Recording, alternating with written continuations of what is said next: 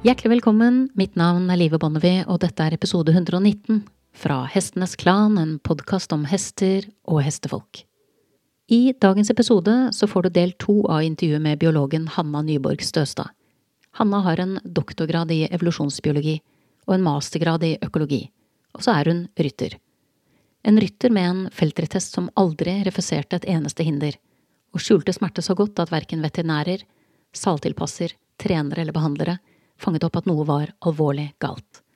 Hvis du ikke allerede har hørt del én av dette intervjuet, så anbefaler jeg deg sterkt å høre dette først, for vi går som vanlig rett på sak.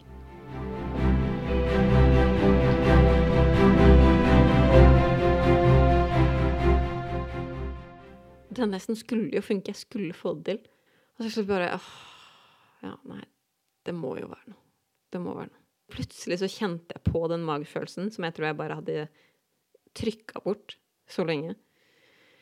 Så jeg ringte til min veterinær som jeg har brukt før. Det er jo litt ironisk, fordi jeg ville jo egentlig at hun skulle ta veterinærsjekken da jeg kjøpte henne, men hun var opptatt, så det ble en annen. Eh, nå ringte jeg til henne og sa Du, nå eh, Nå tror jeg det er noe.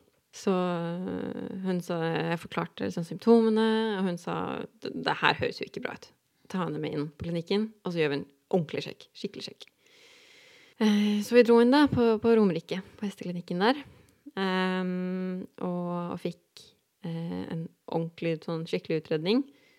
Uh, og veterinæren sa jo at ja, nei, hun hadde lagt merke til at hun gikk jo litt sånn rart. Det hadde jeg også. Hun, hun, hun går sånn det de kaller, jeg tror de kaller linjeganger. At hun liksom setter bakbeina på samme linje. Uh, vi hadde en video av det hvor man ser det veldig tydelig i trav. så veterinæren var sånn ja, hun er, veldig, hun er veldig fin i ryggen sånn kiropraktisk sett, men nei, vi tar, vi tar røntgenbilder. Uh, så sto jeg inne på røntgenbilderommet, og så er det De har en sånn tekniker som gjør det. Så jeg står og holder henne, og så får han opp de røntgenbildene av ryggen. Og han kan jo ingenting om hesten, han aner ikke hvorfor vi er der. Han sier 'Å ja, hun har vondt i ryggen, hun, ja'. Så fikk vi da diagnose på kissing spines, og kissing spines er en diagnose eh, som betyr at eh, torntappene til hesten, som da er eh, litt sånn utstikkere fra ryggvirvlene eh, De ryggvirvlene eh, de dytter borti hverandre. Eh, og det som er med kissing spines, er at veldig mange hester har tendenser til det. statistikken er sånn, jeg husker ikke, det er noe sånn 30% eller noe sånt av alle hester har tendenser til kissing spines. Eh, jeg husker ikke det presise tallet, men det er omtrent der. Men det, det, som er mest vanlig, er at de er i nærheten av hverandre. Eller at én eller to eller sånt er så vidt borti. Eh, og det som kan skje, er at de overlapper. Så de dytter ikke bare borti hverandre, de ligger liksom og overlapper. Eh, og går liksom på hver side av hverandre. Og så hvis liksom én eller to er litt dumt, så og Daphne hadde elleve steder hvor det dytta borti hverandre. Eh, og flere av de var ordentlig overlappende. Og noen av stedene hadde det begynt å danne sånne syster, som er at beinet begynner å eh, gå i oppløsning inne i torntappen. Um, og det er jo smert, De systene smerte, kan være smertefulle i seg selv, men, men, det som også veldig typisk skjer, er jo at de får liksom muskelsmerter, muskelspasmer. Eh, man blir liksom stiv i muskulaturen rundt. Eh, så, så, hvis man får hesten i skikkelig god form, og god muskulatur, god rygg, god, for, altså god eh, bæring og sånne ting, så kan de fungere veldig fint med i hvert fall lavgradig kissing spines.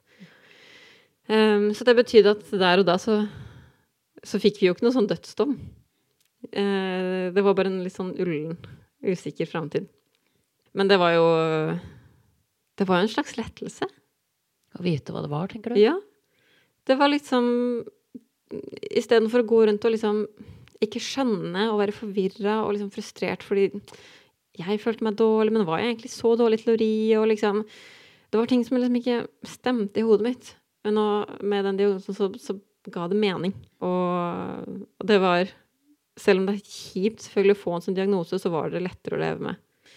Så Og jeg kunne liksom bare føle på den magefølelsen og la det Jeg trengte liksom ikke å dytte alt bort og være, eh, være så selvkritisk og, og, sånn, da. Tvert imot så kunne jeg tenke tilbake og, ja, de der bekymringene jeg hadde underveis hvor jeg For jeg piska henne jo ikke ut på tur. Vi sto jo der, jeg sto jo der og venta på henne. Så da kunne jeg at ja, men ja, det var jo fint at jeg gjorde det, i hvert fall. på en måte. Um, så det som skjedde da, var at vi fikk et behandlingsløp og et opptreningsprogram. Og behandlingsløpet er kortison. Eh, rett inn i leddene eh, med sånn ultralyd-guided injeksjoner. Um, og det var jo også noen pålæringer rundt eh, noen av bekkenleddene og liksom diverse eh, i tillegg, men, men, det var liksom den kissing spinesen som var greia. Så hun fikk en hel masse kortison gjennom hele ryggen. Um, og så skulle vi ha fri en uke, og så skulle vi Eller bare leies en uke, og så skulle vi begynne opptrening eh, lite grann, og så skulle hun ha en ny runde med kortison. Så var det et opplegg om Men da fikk vi vite Nei, det, forhåpentligvis er hun tilbake i full arbeid om åtte uker. Jøss, yes, flott, liksom! Ja, men det her kan jo Tenk om jeg får tilbake hesten, sånn som jeg vet hun kan være, ikke sant. Jeg så jo hvor fin hun kunne vært. Så, så, begynner man jo å håpe, da. Og så den uka etter hun fikk Da vi satte i gang liksom en uke etter hun hadde fått den første kortisonen, så var hun så fin. Og hun trava så fint rundt i longe. Vi kunne jo ikke ri da, men det var bare sånn tømmerlongering. Hun gikk så pent i form og galopperte rundt i form. og det var, det var, så fint. Det var hyggelig. Hun virka så avslappa. Og tenkte jeg Og Så jeg har sånn treningsdagbok, og da så var det liksom På en skala fra én til fire, så var det sånn fire. Superbra. Liksom. Ah, så avslappa. Og så ser vi de neste dagene, liksom neste ukene, så går det liksom fra fire til tre. Ganske fin i dag. Kanskje litt mer stiv enn i går. Eh, og så to virka litt stressa. Tre OK. Og så, så, mister vi det igjen. Så får vi en ny runde med sprøyting. Blir litt bedre igjen. Og så, så blir det dårlig igjen. Og hun blir mer stressa igjen, og hun kaster på hodet i overgangene. Og hun begynner å bli øm i ryggen, altså trykkøm. Og altså, jeg glemte jo å si at den uka før vi tok henne på klinikken, så da, da, ble ridningen også veldig dårlig. Altså mellom den steilingen og klinikken. Så, så da, hvis jeg prøvde å hvis jeg prøvde å ri vekk fra porten, så stoppet hun å steie litt. Inne på ridebanen. Uh, så jeg kunne jo ikke ri noen ting. Eh, og det samme skjedde nå etter sprøytingen, at hvis jeg prøvde å ri, så bare stoppet hun. Det var Hvis noen andre sto foran og leide noen og godbiter, så kunne vi gå litt, liksom. Men det, det var helt håpløst. Eh, og eh, noen ganger når jeg ba henne om å galoppere i, i hvis jeg hadde sånn tømmerlongering, da. Hvis hun f.eks. havnet i kryssgalopp eller hun ble skremt eller et eller annet, så fikk hun fullstendig panikk. Og hun bare løp rundt. Rundt og rundt og rundt. I noe fullstendig Hun var helt borte, liksom. Det var så forferdelig å se på. Og jeg visste jo at det var fordi hun hadde vondt på det tidspunktet. Så det var bare sånn Det var bare trist. Det var bare skikkelig trist. Men så vi hadde liksom litt framgang, og så tilbake igjen. Og så vi jobbet masse med bommer, skritta over, hevede bommer. Vi hadde skikkelig sånn stretching-program med sånne gulrot-stretches. Eller jeg hadde en sånn likkit som jeg anbefaler på det sterkeste til sånn stretching. Det funker veldig bra. Eh, og vi skulle strekke bakbeina fram to ganger 30 sekunder på hvert bein. Det tok et kvarter da, å gjøre alle øvelsene hver, dag. Så jeg gjorde det her, og på et tidspunkt så hadde jeg ikke noen hestepasser eller fòrrytter eller noe sånt. Og man kan jo ikke Altså, det er, ingen, som har lyst til å hoppe inn i det her, ikke sant. Så det var halvtime kjøring frem og tilbake til stallen, altså én vei. Eh, jeg, som regel fikk jeg til fem ganger i uka eh, med hverdagen, liksom. Um, og jeg ser at hesten har mer og mer vondt. Eh, hun kaster på hodet, hun ja, begynner å stoppe på veien på ridebanen. Jeg ringer dyrlegen, sier at det her jeg syns ikke det her funker, jeg kan ikke ringe henne, jeg kan ikke følge treningsopplegget. Og dyrlegen sier ok, vi kan prøve noe muskelavslappende, vi prøver det, det gjør ingen forskjell. Eh, og da jeg har den samtalen med dyrlegen om det, så skjønner jeg jo litt hvor det bærer. For da sier hun noe sånt om ja, men vi kan prøve det her muskelgreiene. Jeg husker ikke helt hva det var. Eh, det var noe som var ganske ufarlig. Eh, men hvis ikke det funker, så da begynner prognosen å bli litt dårligere, sa hun. Kanskje vi kan vurdere noe svømmetrening, eller ja. Men da Man har jo fortsatt håpet, ja, kanskje det funker, de muskelgreiene og sånn, men Men elleve torntopper mm. eh, høres jo mye ut? Det er mye. Ja. Så, men man tenkte da likevel altså at ved å ha riktig type Mm. treningsregime og riktig type behandling, at det, Det kan gå. Det kan gå. Mm. Det, det finnes hester som fungerer med, med den typen rygg. Uh, så hun fortalte jo om liksom, dressurhester som har kommet inn, og nei, den bytter litt dårlig til én side, liksom, og så har de sånn rygg. Så det er mulig, men jo verre det er, jo sjeldnere er det, på en måte. Uh, og de må ha veldig sterk muskulatur for å på en måte holde ryggen god. Eh, og hun hadde jo da ikke det. Eh, men vi brukte masse tid over våren på å bygge opp eh, Ja, vi gjorde masse sidebevegelser fra bakken, f.eks., som jeg tror hadde veldig mye å si. Sånn flytte skuldrene over. Så nå ser jeg at de hestene, hvis jeg ser hester som, som ikke klarer å flytte skulderen fra den siden til den andre i skritt, så tenker jeg at hm, ja, der er det kanskje noe med kjernemuskulaturen. Jeg blitt veldig oppmerksom på alle sånne ting, da. Um, og hun bygde masse muskler den våren. Eh, hun, fikk, hun fikk noe tilskudd også. Så hun, hun, så jo så bra ut når de kom til meg, liksom. Men hun hadde det ikke noe bra. Eh, og nå som jeg hadde sett det, nå som jeg hadde skjønt det, så var det så vanskelig. Så vi begynte med sjokkbølgebehandling, for det hadde jeg lest kunne hjelpe, og veterinæren var villig til å prøve, og det ble ikke dekket av forsikringen, vi må jo prøve, liksom, og det hjalp litt. Eh, men så ble det dårligere igjen, og så en dag så Og jeg begynte å bare Jeg husker jeg satte meg ned en gang og tenkte sånn Nå skal jeg høre på magefølelsen hva den sier sånn Du vet når man setter seg ned og liksom virkelig tenker, tenker seg om. Og jeg rakk jo ikke sette meg ned engang. Magefølelsen var bare sånn Det går ikke. Det er ikke etisk riktig. Du kan, når, hesten, når medisinen er trening, og hesten har vondt i trening Hva skal vi, hva skal vi gjøre da? Gjøre det i måneder, år, mens hun fortsatt har vondt? Og hun hata det jo, jeg så det jo på henne. Hun begynte å bli sur når jeg ba henne om å trave. Og samtidig hadde hun jo også masse psykiske utfordringer med det her. ikke sant? Hun var jo redd for alt mulig, for hun hadde jo vondt, så hun var jo for, konstant forsvarsmodus. Og vi leide på tur, og det gikk kanskje bra hvis hun hadde en god dag, men hvis hun hadde en dårlig dag, så hvis vi så et rådyr, så kunne hun bli kjemperedd, og da var det jo litt skummelt å leie henne til og med. ikke sant? Hest som vanligvis var så snill og grei. Så, så jeg snakka med dyrlegen da, hun sa la oss, la oss gi det noen vi, vi tar ikke noen avgjørelse nå, men vi var jo enige om at det, det begynte å bli vanskelig.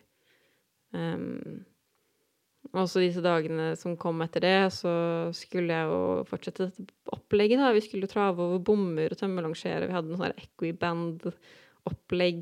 Jeg hadde jo kjøpt alle mulige greier ikke sant, som kanskje kunne hjelpe. Uh, og så leide henne bort mot ridebanen. Så liksom stopper hun på vei inn mot porten. Det er ikke sånn at hun liksom nekter å gå, men hun bare stopper. Og så står hun liksom der og ser på meg. Og jeg bare Nei.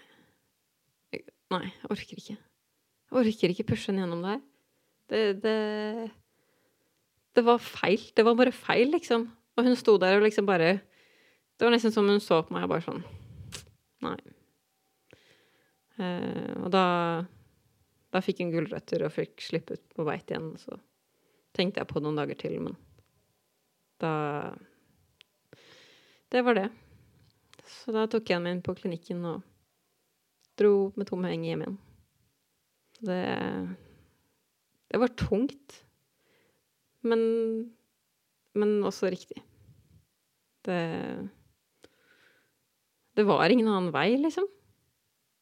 Det gikk jo ikke, kunne, På det tidspunktet så kunne jeg kunne ikke ta på ryggen. Jeg kunne ikke massere henne på ryggen engang. For det ville jeg jo gjerne gjøre. ikke sant? Massere ryggmusklene hennes hvor hun hadde vondt. Men hun bare Da bare begynte hun å gå rundt overalt og kaste på hodet og sånn. Så man fikk en sånn følelse på meg. Det går ikke. Så Så da ble det med det. Og sett i ettertid så er det jo Ja, man kan jo tenke tilbake på hvordan ting ser, ser ut i et annet lys når man vet det man vet, men ja. For det er jo det som blir interessant å spørre om, på en måte, når du, når du vet det du vet nå. Mm. Altså, det er jo så mange som på en måte har sett der, vært der, kjent på ting. Mm. Og så, og så er det liksom Renner eh, dette gjennom alle maskene. Ja. Det blir liksom ikke fanget opp noe sted. Altså det er jo interessant å spørre seg hvordan vi kommer dit. Ja. Når det er såpass sterke signaler fra hesten. Ja. Og det jeg også lurer litt på fordi det siste halvåret så ble det veldig mye verre. Det er litt vanskelig å vite hvorfor det ble så mye verre.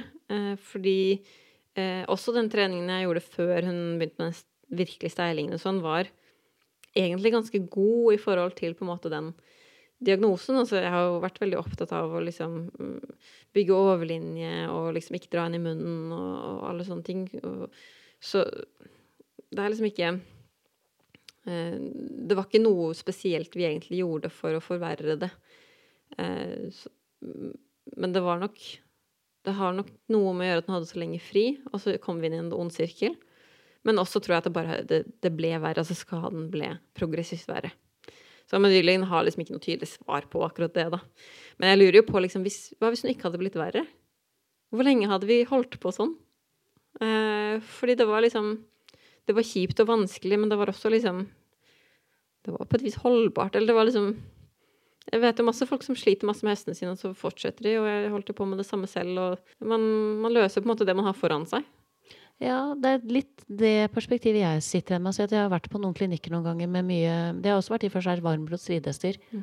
Hvor, hvor, det er veldig mange ekvipasjer som deltar på klinikken i løpet av en helg. Ja. Men det er veldig få som ikke har konfliktatferd. Ja. Ikke sant? Eller et eller annet sånn, du vet, veldig mye slåing med halen, veldig ja. mye et eller annet. Mm.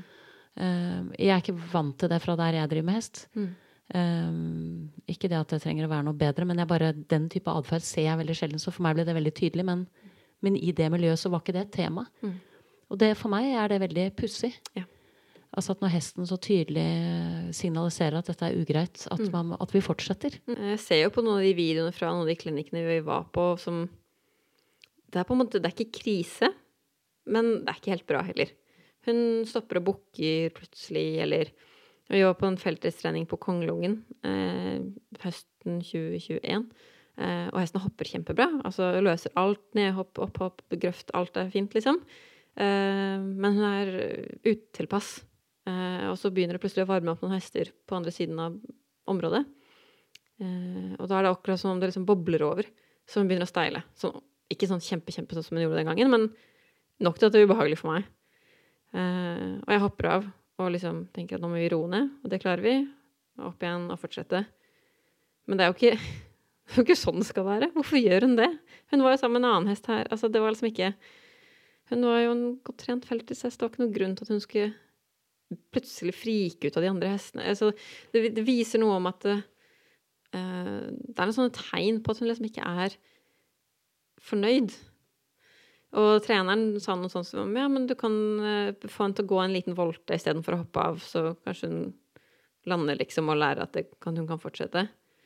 Uh, og det er jo ikke noe liksom Det er ikke noe dramatisk i det. det var, hun sa jo ikke sånn 'slå den i hodet med pisken'. Det var ikke sånn. Men samtidig fikk jeg jo liksom beskjed at uh, du skal ikke hoppe av. Uh, så det, det var ja. din magefølelse, var at det var det som var det rette å gjøre? Ja. Men så, sånn er det innimellom, ikke sant. At hestene blir gira. Og det ser jeg jo veldig ofte at folk sier at de syns det er så gøy.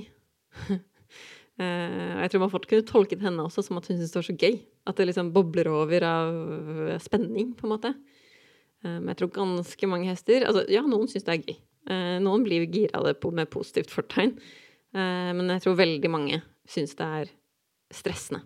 Og hun, for henne så var det sånn. Og det, det er vanskelig å liksom skille noen ganger. om henne så var det, som det er med mange andre hester, liksom mange småting. Det var ikke sånn at hun hver gang hun skulle galoppere, så bukket hun. Det var ikke et sånt tydelig Det var liksom bare mange små tegn på at hun var misfornøyd. Og hun var jo ikke halvt på noe tidspunkt her. Altså Bortsett fra den ligamentskaden, da. Men sånn i det forløpet her, så var hun jo ikke halvt i det hele tatt. Og det du fortalte om uh, ut på tur, det var sånn at gården lå sånn til at du måtte ri nedoverbakke først. Ja. Hva tenker du rundt det? Ja, Nå tenker jeg at det må ha gjort veldig vondt. For når de går nedover, sant, så løfter de jo hodet litt, på en måte. Og, og, uh, så den, den våren her hvor jeg visste om det, så fikk jeg henne til å gå med hodet veldig lavt, og det gikk til bedre. uh, så det, det, gir veldig mening. Um, men det er sånn som Det sammenfaller med at hun må gå vekk fra vennene sine. Eh, så det er veldig lett å tolke det som at hun er litt lite selvstendig. Ja, og særlig når det er sånn at får hun med seg en kompis, så er ja. det alt ok. Ja. Og så Det er det som er litt vanskelig, for det henger veldig sammen, de fysiske og mentale tingene. For det er klart, hvis du går rundt og har vondt, så, så blir du påvirka. Og for hester, altså som evolusjonsbiolog, der kommer jo litt sånn det inn, da, at de er jo eh, byttedyr. Eh, de er eh, veldig flinke på å skjule smerte. De, men det blir veldig farlig for dem når de er skada. Så det å være alene når du er sunn og frisk, kan være OK. Da, da, blir man vant til det. Du blir vant til at du får litt klapp av rytteren din når du går ut, og sånn, så går det greit. Men det å være alene når man er skada og har vondt, det er farlig. For hvis du da Det, det betyr en, døden, det. Det betyr døden. Kommer det en tiger og du ikke kan løpe ordentlig, så, så dør du, ikke sant. Så det er en veldig sånn um, eh, dyp eh, ja, et instinkt da, for hestene. At de blir eh, veldig eh, opptatt av å beskytte seg selv når de har vondt. Eh, og det kan bety veldig mye forskjellig. Eh, veldig vanlig at det, de blir flokkavhengige når de har vondt. Eh, men det kan også bli aggressive. Eh, men veld, veldig ofte liksom nervøse. Jeg tror ganske mange hester som går rundt og er nervøse og på vakt, de har ofte litt vondt. Det trenger ikke nødvendigvis være kjempealvorlig, men at bare nok til at de er litt sånn Klarer ikke helt å slappe av. Eh, om henne så var det veldig sånn. Så de gode dagene så var hun avslappa, og de dårlige dagene så hadde jeg ikke sjans. Um, det, men det gjør det også veldig vanskelig å tolke. Fordi det finnes jo masse hester som har opplevd noe kjipt eller er litt uh, nervøse fra naturens side, og det er noen kombinasjoner med erfaring og personlighet som gjør at de er nervøse. Uh, og dermed trenger mer støtte og sånn. Så det kan være veldig vanskelig å skille. Er det noe der eller ikke, liksom? Um, men jeg tenker egentlig at det jeg har lært mest av det her, er liksom å se på progresjonen hvis man er i et system eller har nok erfaring eller eh, på en måte er ganske trygg på det man gjør, er oppbyggende for hesten, at man er trygg, men rettferdig og god med den, og prøver å bygge det opp gradvis og rolig og, og på alle vanlige måter, og det ikke går, da tenker jeg at da er det noe rød flagg.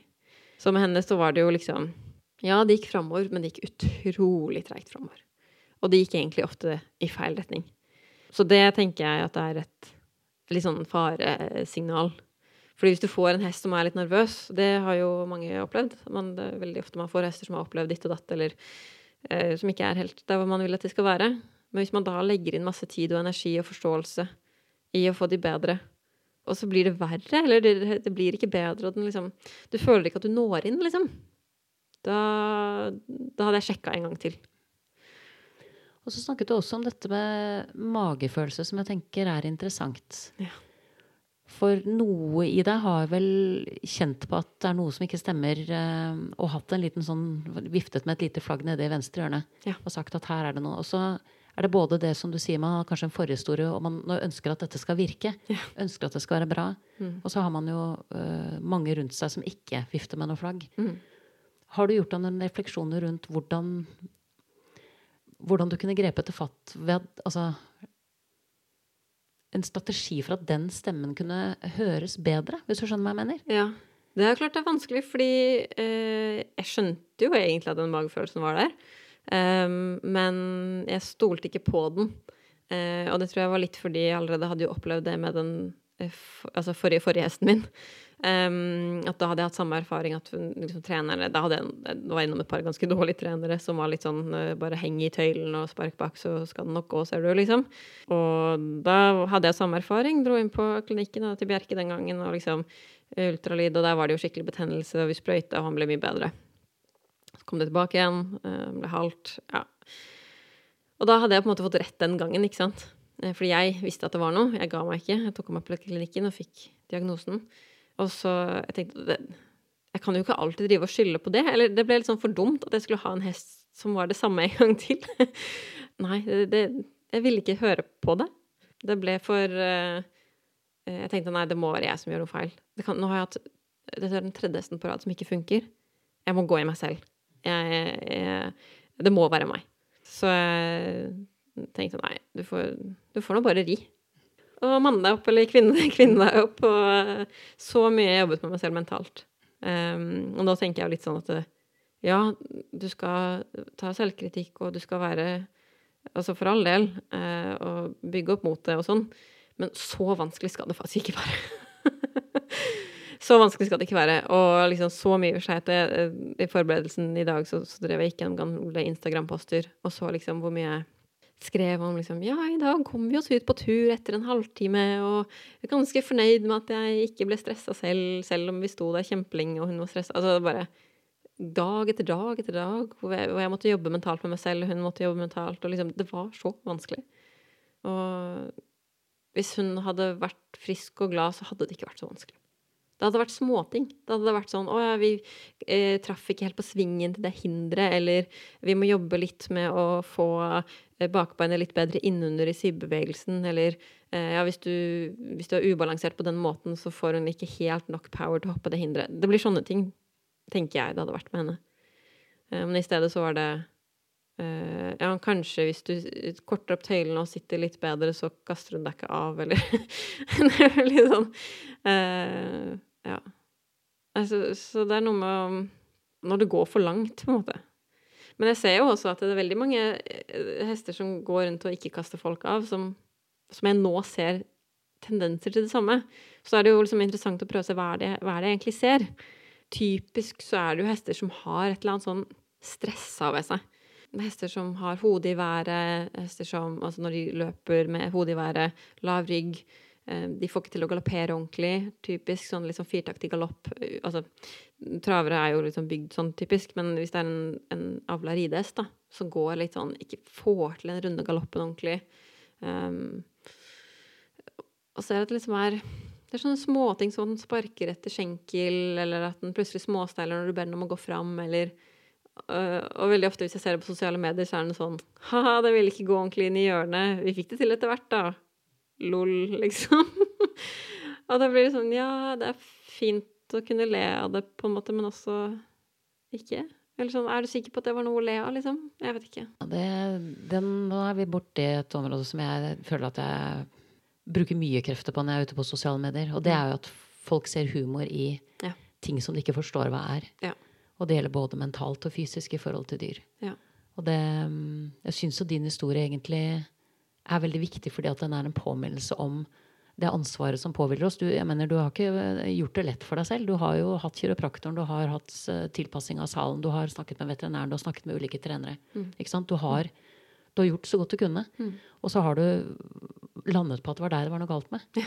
Og så viste det seg å være hesten. Mm. Ikke sant? Og jeg tenker at i veldig mange situasjoner så er det jo faktisk en fysisk utfordring som hesten har, og så klarer vi ikke å fange det opp. da. Og det er kanskje det som gjør at jeg tenker at dette er, og jeg sånn sett også er så takknemlig for at du forteller denne historien. Mm. For at den er ikke unik. Mm. Jeg tenker at også ut fra statistikken på hvor mange som lider av kissing spines, blant annet, altså at det er mm. uhorvelig mange hester som har grader av problemer. Ja. Og litt som vi snakket om før dette intervjuet starter, altså at man kan selv ha en fysisk skavank eller smerte mm. som ikke er synlig på utsiden. Ja. Ja. Det vet vi jo. Og så har du hesten i tillegg som, som, aktivt vil prøve å skjule at den har en skavank eller svakhet. Ja. Ja. Ikke sant? Sånn at vi, Det påhviler oss et enormt ansvar for å passe på at de har det bra, og avlese de mm. symptomene riktig. Ja. Nei, jeg syns det er litt sånn interessant å tenke på at uh, i hvert fall da jeg vokste opp, så var det nok enda hakket mer sånn at hesten er frekk, hesten er dum. Eh, du må være sjefen, den type ting. Og eh, det var liksom, da var det bare Da var det hestens feil. Men, men, men med en sånn negativ sånn Den ville ikke, liksom. Den var dum og ja. Eh, og så, i hvert fall min opplevelse, er at vi har gått gjennom en sånn periode hvor vi skal være snillere mot hestene, så da er alt vår feil. og vi har vært så snille med dem, og vi skal liksom Den som sier at nei, hesten Det var hestens skyld det, altså, det, er jo ikke sosialt akseptert, liksom. Så i hvert fall for meg så satt jo det veldig langt inne. Fordi det, man, man, skal jo selv ta ansvar når den stopper eller den ikke vil hoppe, eller sånn, så er det jo en selv som har gjort noe galt, ikke sant. Fordi hesten er jo ikke dum. men hesten er ikke dum, men kan, det kan fortsatt være dens skyld. Eh, ikke fordi den mente det eller var frekk eller noen ting, men fordi den har vondt. Ja, altså Hvis vi ikke kaller det skyldfordeling, på en måte, men bare si altså at, den har, ja, at det er mm. hesten som har utfordringen. da. Ja, ikke sant? At det er en helt uh, ærlig sak at jeg har det noen ganger. Ja. Så det, jeg tror den derre uh, dialogen rundt liksom Ja, da var den dum. Var det din feil? Hvem sin feil var det? Og sånn. At det, det blir litt sånn feil fokus, på en måte. Istedenfor å prøve å løse problemet. Istedenfor å tenke Ja, men hvorfor? Hvorfor gjør den det? Er den usikker? Er den redd? Er det noen grunn til at den skulle gjøre det? Var det fordi dere hadde en dårlig opplevelse med traktor forrige uke? Ja, men da gir det jo mening at den ikke ville gå forbi traktoren, ikke sant? Jeg opplever jo ganske ofte at jeg hører folk sier at nei, hesten hadde eh, et dårlig hjem tidligere. Eh, den, ble, den ble ridd så hardt, eller opp, mm, liksom, de oppførte seg så dårlig med den tidligere. Eh, så derfor er den sånn som den er. Og det er klart det finnes tilfeller av det. Men jeg tror du skal være ganske kjip mot en frisk hest før den blir ordentlig sånn mentalt påvirka av det, tror jeg. Men så skal det ikke så mye til før man kommer litt feil retning liksom fysisk og dermed også psykisk, og så blir det en sånn blanding av fysisk smerte og psykisk ubehag, eh, hvor den har blitt pushet til å gjøre noe den kanskje ikke hadde Og så, så blir det en sånn ball av fysisk og psykisk som er veldig vanskelig å finne ut av. Men den derre eh, Nei, den ble skremt av en tidligere rytter en gang for to år siden, og derfor kan den ikke hoppe et hinder. Da tenker jeg det, Virkelig? Altså, hvor skremt ble den, liksom? Så ja. Det, det høres ut som nysgjerrighet. Altså, du Dette med å på en måte stille spørsmål rundt hvorfor, ja. sånn som du var inne på. Eh, jeg tenker at I det øyeblikket du stiller spørsmålet hvorfor, mm. Eh, gjør den dette eller dette, ja. Eh, og du ikke har et klart svar, mm. For det svaret bør finnes. Og som du sier, hvis det er en sunn, frisk hest, så er det veldig pussig om det svaret ligger to år tilbake i tid. Ja. Eh, altså, de lever eh, i nuet, så de kan selvfølgelig ha med seg traumer og alt dette. Men jeg er helt enig at man, da bør man jo bli mistenksom, rett og slett. Altså. Ja. Jeg bare så på min også, den, den uka hvor den kortisonen faktisk kicka inn, liksom. Hvor avslappa hun var. Det var fascinerende. Eh, og også liksom fra dag til dag kunne jeg se ikke sant, om hun var glad eller ikke. Og da tenker jeg, jeg er helt overbevist om at hvis jeg kunne knipsa fingrene og fått vekk den smerten hennes, så hadde hun vært perfekt. Hun hadde vært så fin og så snill og helt altså, midt i blinken for meg. Men det kunne vi ikke, og det var umulig å komme seg ut av den onde sirkelen når hun hadde så vondt, fordi hun klarte ikke å bygge seg opp, og da var alt forferdelig for henne. Eh, og å bevege seg var forferdelig, så hun kunne ikke bevege seg, og, og det gikk ikke. Så med kissing spine så har man jo faktisk muligheten til å operere. Eh, så hvis det er eh, litt enklere tilfeller enn hennes, så kan man faktisk kutte vekk noe av beinet på disse torntappene. Eh, og det har blitt en relativt vanlig operasjon, særlig i utlandet. England og USA gjør de det ganske mye. Og teknisk sett ikke så veldig komplisert, men man får jo da et sår nedover ryggen som kan ha visse infeksjonsfarer og diverse. Og det som også kan skje, er at man fikser akkurat det problemet, men så har hesten gått og feilbelasta pga. en halthet eller noe sånt, og det var det som egentlig forårsaket kissing spines in the first place, og så får man bare kissing spines lenger ned i ryggraden etterpå. Eh, men det kan i mange tilfeller få, få, dem inn på en god sirkel, da. Eh, men å kutte vekk elleve torntapper, det går for et sirkel. altså de ville ikke gjøre det på klinikken fordi prognosen var så dårlige. Eh, du får et enormt langt sår fra manken til krysset på toppen av hesten, sånn at de ikke får drenert. Du, får, du mister hele stabiliteten i ryggraden til hesten. Så det er kjempesjanse for at det, du får noen andre problemer, eller det kommer tilbake igjen. Så det var ikke For oss var det ikke noe alternativ. Men jeg føler at hvis vi hadde hatt muligheten til det, så hadde vi kanskje fått vet ikke, en periode, i hvert fall, hvor det var bedre. Men uh, akkurat det med kissing spines og hvorfor det skjer sånn en gang, det er en omfattende greie. Det er nok en blanding av genetikk og miljø, da, altså trening. Uh, så det skjer jo veldig ofte i fullblodsur og visse linjer og sånn, og så er det Ja, det har så mye å gjøre med trening, da, men det er mange hester som blir trent helt forferdelig, og som ikke har det. Så det er liksom ikke Det er ikke noe direkte kobling på noen ting, egentlig. Og du kan ha ganske fine røntgenbilder og ganske vondt i ryggen hvis du har en følsom hest, f.eks. Eller du kan ha forferdelige røntgenbilder av en hest som fungerer ganske bra. Så det er en ganske komplisert greie. Anna, du skal ha tusen takk for at du bød på denne viktige historien om eh, deg og hesten din. Mm. Det, jeg håper jo at det kan hjelpe noen, eller kanskje gi dem liksom motet til å følge den magefølelsen. Da. For man kan ha den kan ha rett. Er det det som du sitter igjen med som kanskje den hovedoverskriften, hvis jeg forstår deg riktig? Altså at du hadde ønsket at du hadde hørt på den tidligere? Ja, jeg tror det. Lytt til hesten. Det er hesten som har fasiten. Fagpersoner prøver så godt de kan, og jeg tror ingen i denne historien har villet min hest vondt eller eller egentlig vært så spesielt liksom sloppy eller dårlig eller noen ting engang. Men, men det var hesten som hadde fasiten. De, de fant det ikke, og hun Det var umulig å egentlig skjønne det uten røntgenbilder. Så lytte til magefølelsen og lytte til hesten. Det Man må bare gjøre det. Tusen hjertelig takk skal du ha. Bare hyggelig. Takk for at jeg fikk komme. Du har nettopp hørt episode 119 fra Hestenes Klan, en podkast om hester og hestefolk, og her kommer det en liten epilog. Det er en myte at hester er late. De konserverer energi, ja, men de har ikke noen problemer med å bruke energi på ting som er verdt å bruke energi på, hvis de er friske og sterke. Tvert imot, hester er skapt for, og de elsker bevegelse. Det jeg ser mest av ute i felten, er samarbeidende hester som gjør så godt de kan, og når de ikke lever opp til våre forventninger, så er det gjerne en god grunn til det.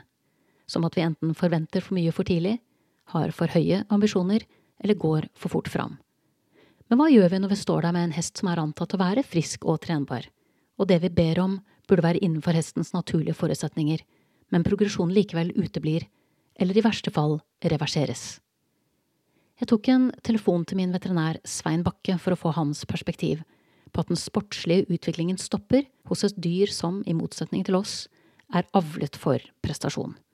Dette var hans svar. Det er viktig å være klar over at nesten alle hester har talent for det de er avlet for. Det er bare de beste hingstene som settes i avl, og avlsoppene har jevnt over et høyt nivå. Ingen avler hester for å bli dårlige. Så når den sportslige utviklingen stopper opp, så må vi se på andre faktorer enn genetikk. Vi må først og fremst se på miljø, det vil si måten hesten holdes og trenes på. Når hester i mellomsjiktet stagnerer, eller prestasjonene reduseres, så er det som oftest en fysisk skade som står i veien, enten i form av en akutt skade som ikke har leget seg som den skal, eller i form av slitasjeskader som vokser ut av feilbelastning over tid. Og da jeg la på etter å ha snakket med Svein, og fått dette kjappe svaret midt i kirketiden på en søndag, så ble jeg sittende og gruble lenge etterpå. Veldig lenge. Jeg tenker at Hanna og Daphnes historie ikke på noen måte er unik, og det er nettopp derfor den er så viktig å fortelle. Jeg tenker videre at hestene jeg har sett i felt som har betydelige utfordringer, men som likevel starter, står i full trening, eller selges som om de var friske, ikke kan telles på verken én eller to hender. Langt ifra. Så langt ifra at jeg har kommet fram til at jeg trenger en egen episode for å oppsummere det. Så da vet du allerede hva du kan forvente deg herfra neste mandag. En utdyping av et tema jeg anser for å være noe av det viktigste vi som driver med hest, kan snakke om et tema vi har snakket altfor lite om, og et problem som ikke på noen måte begrenser seg til sporten. Og hvis du, i likhet med mange andre lyttere som allerede har tatt kontakt, har noen verdifulle innspill eller noen viktige erfaringer som er egnet til å utvide folks horisont innenfor dette temaet, så ta gjerne kontakt med meg på mail eller Messenger. Jeg vil gjerne avrunde dagens episode med å gjøre oppmerksom på at du finner øvelsene han har brukte for å prøve å hjelpe Daphne tilbake i trening i våres på min hjemmeside www.hestenesklan.no. Det er en rekke stretchingøvelser og styrkeøvelser som veterinæren anbefalte, samt noen enkle dressurøvelser for hånd som er egnet til å bygge kjernemuskulatur og balanse. For det er viktig å understreke at hvis riktig diagnose blir stilt, så er det ofte mange muligheter for at hester kan trenes bedre, særlig hvis diagnosen blir stilt tidlig. Og mens vi snakker om å stille diagnosen tidlig, på hjemmesiden min finner du også en link til en video av Sue Dyson, en anerkjent spesialist innenfor ortopedi på hest, som mange vil kjenne fra Epona TV. En video som tar for seg noen av de vanligste tegnene på at hesten har smerter. Tegn som for litt for mange har blitt en slags normal, som man enten overser eller bagatelliserer. Mer om det i neste episode. Da gjenstår det bare for meg å takke min faste komponist Fredrik Blom, min gjest Hanna Nyborg Støstad, som valgte å stå frem med en utrolig viktig historie og jeg vil faktisk også rette en takk til de andre på stallen hennes, som oppmuntret og støttet henne til å følge magefølelsen, og ikke presse hesten i situasjoner der det ville vært så fort gjort å krysse grenser som hadde resultert i mer smerte. En slik støtte er helt uvurderlig for en hesteeier, som alene skal leve videre med konsekvensen av alle valgene som ble tatt i ettertid. Og sist, men ikke minst vil jeg takke deg, kjære lytter, for tålmodigheten. Måtte hesten for alltid være med deg.